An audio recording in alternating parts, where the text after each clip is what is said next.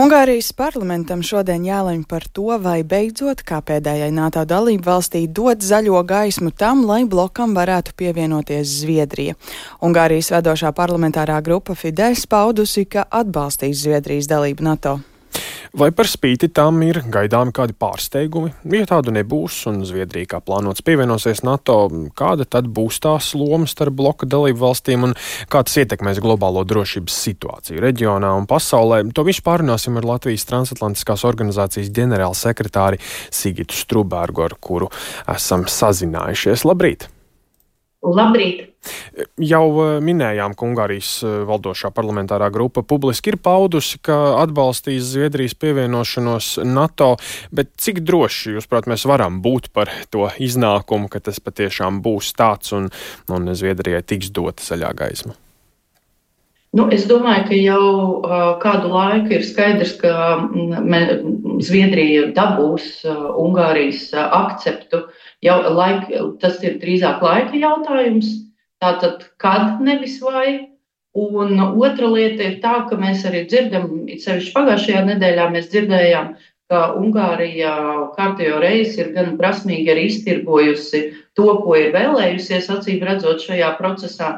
Tātad mēs pagājušajā nedēļā dzirdējām paziņojumu par to, ka Ungārija iegādāsies no Zviedrijas lidmašīnas Plus vēl tiks papildināti arī uh, saistītie loģistikas um, līgumi.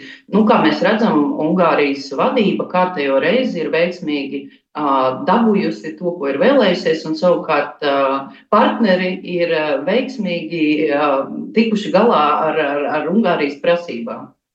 Bet eh, šis process eh, Ungārija tirgojas, tomēr dabū, ko vēlas, eh, tāda vilkšana ļoti gara. Tas nav parādījis arī varbūt ne mūsu sabiedrotajiem, ka NATO nav tik tāds vienots un nu, ātri reaģējošs un lēmums pieņemošs. Nu, es domāju, ziniet, tirgošanās ar, ar Zviedrijas iestāšanos nav tas trakākais, ko mūsu sabiedrotie ir parādījuši mūsu nosacītajiem pretiniekiem. Ja? Es domāju, ka stāsts par ieroču piegādēm Ukrainai ir daudz sāpīgāks stāsts un signalizē daudz spēcīgākus signālus.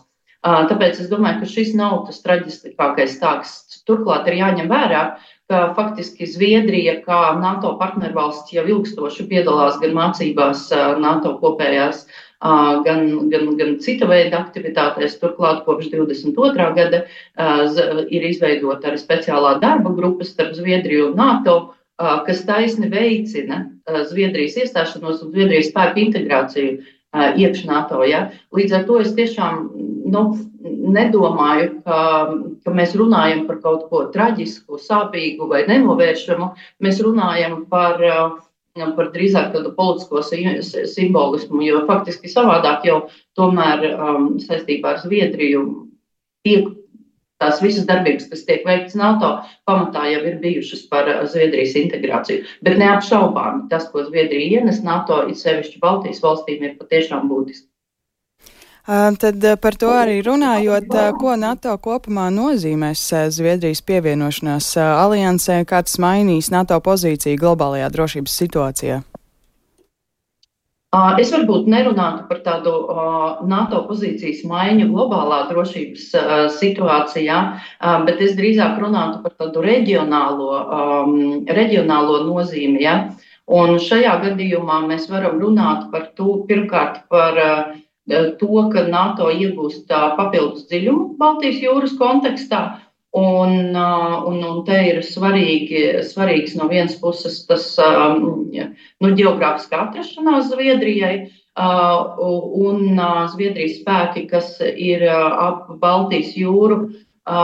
Bet tas ir arī nozīmīgi nu, teiksim, tajās spējās, ko, ko Zviedrija atnes, jo Zviedriem ir viena no lielākajām uh, um, tā, tā, tā, gaisa spēkiem, kas ir nozīmīgi, īpaši nozīmīgi mums.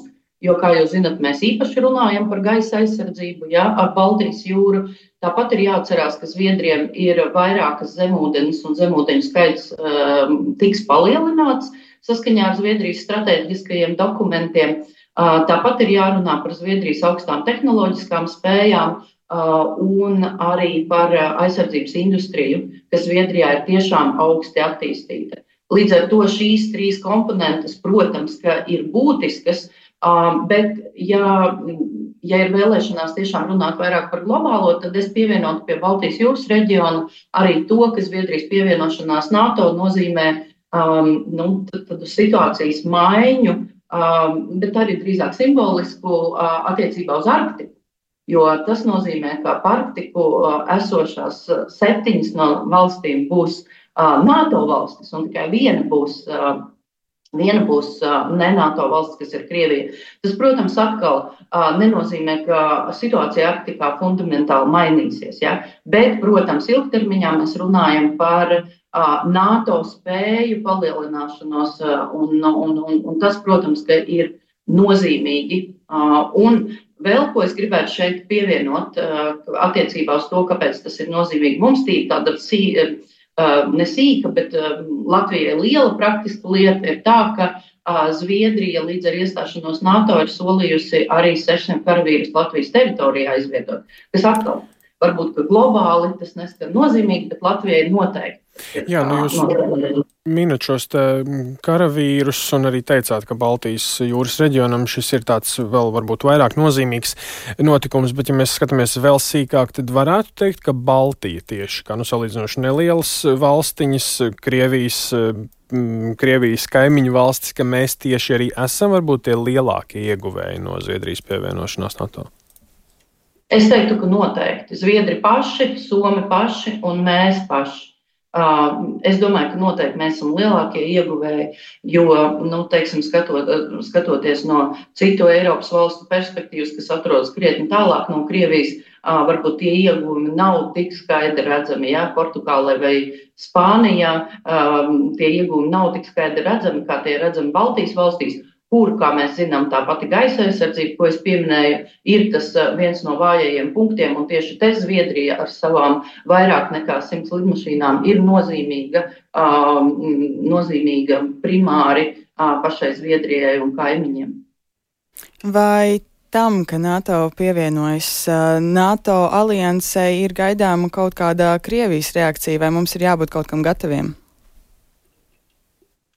Redziet, ar Krieviju ir tā, ka, manuprāt, tie, kas baidās no eskalācijas, ir aizmirsuši, ka eskalācija ir notikusi jau, jau tāpat.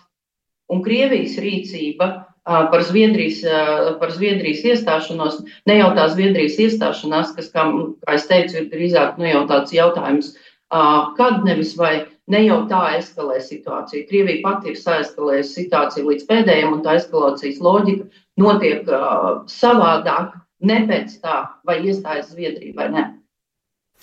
Un, uh... Tātad šis balsojums, ja ir pozitīvs, kā visticamāk arī būs Ungārijai, dod, Ungārija dod šo zaļo gaismu Zviedrijai, tīri praktiskā daļa vēl, kādi tad ir tie soļi, kādam procesam vēl jānotiek, lai Zviedrija būtu pilntiesīga NATO dalība valsts, vai tas līdz ar pēdējo šo balsojumu uzreiz notiek? Nē, nu tas nenotiks uzreiz, vēl ir nepieciešams, nepieciešami tālākie formālie soļi, kas attiecās uz nu, tādu pilnvērtīgu iestāšanos. Tas, bet tajā pašā laikā pēc Somijas, Zviedrija Piedodiet, Somijas, Zviedrijas, nu jau, nu jau arī es vairs nevaru parunāt, bet pēc, pēc Somijas piemēra mēs redzam, ka tā formālā daļa, kas attiecas uz pārējo, nu tā vienkāršā valodā runājot, papīra parakstīšanu, var tikt uh, veikta salīdzinoši ātri. Un tālāk, kā jau es teicu, tā kā integrācijas process ir uzsācies jau, tad, tad, tad, tad, vienkārši tas, tas turpināsies būtībā. Nu, jau ar tādu kārtīgu formālu pamatu. Un jūs pieminat Somiju. Somijas ceļš uz NATO bija raitāks, un pagājušajā pavasarī tā jau pievienojās aliansei. Tas nozīmē, ka salīdzinot ar Zviedriju, nu ir jau bijis vesels gads principā priekšā. Iepriekš minējāt pāris negatīvās sekas, vai ir vēl kaut kas, kur šī vilcināšanās pusotru gadu no Ungārijas puses, kā tas ietekmēs tieši Zviedrijas pozīciju, ja mēs salīdzinām ar Somiju, kur tā ir jau paspējusi paspējusi nokļūt? Es domāju, ka, ka, ka šeit eh, runāt par tādām negatīvām sekām uz pašu Zviedriju īsti eh, nevarētu. Um, pēc tam ša, šī gada laikā, jā, tas bija process ar tādu zināmu nervozitāti, ar zināmiem interesantiem diplomātiskiem soļiem. Vai tā viens grib tikties, vai otrs atsakās braukt, tikties. Ja? Es domāju, Zviedrijas-Ungārijas attiecību perspektīvā. Ja? Tāpat mēs, esam, mēs redzējām pirms tam Um, viena cita veiksmīga politiskā tirgotāja, kas ir Erdogans, uh, dažādas soļus un, un prasības, ko, ko Zviedrija attiecīgi arī pildīja, un ko mēs nevarētu iedomāties, starp citu, pirms 2022. gada, ja, tās Zviedrijas piekāpšanās, kas ir notikušas attiecībā uz um, musulmaņu kopienu um, Zviedrijā, ja es varētu tā vispārināt. Ja. Tā ka, uh, tā ka šai ziņā šai ziņā mm, tie mīnusi drīzāk ir jau bijuši, un tie ir bijuši tādi diplomātiskie un, saisti, un varbūt saistīti ar, ar, ar valsts piekāpšanos attiecībā uz valsts vērtībām, pirms tam deklarētajām. Bet, nu, teiksim, ilgtermiņā es tiešām, tiešām neredzu tādus būtiskus mīnus, gluži otrādi, drīzāk plusus, un sevišķi plusus NATO, ņemot vērā, kā jau es pieminēju, Zviedrijas tehnoloģisko kapacitāti. Un būtībā arī tā, līdz ar to es teiktu, ka nu, Zviedrijas ekonomiskās intereses arī un, un citas intereses, drošības ekonomiskās intereses drīzāk tiks piepildītas. Tāpēc es par tādiem nozīmīgiem mīnusiem nu, pagaidām nevarētu runāt. Jā, paldies šajā mirklī teiksim par sarunu Latvijas transatlantiskās organizācijas ģenerālsekretārei Sigitai Strubergai. Gaidīsim, lūkosim, kā Ungārijas parlaments šodien nobalsos, bet nu šķiet jau, ka tiks dota zaļā gaisma, lai arī Zviedrija pievienotos NATO blokam.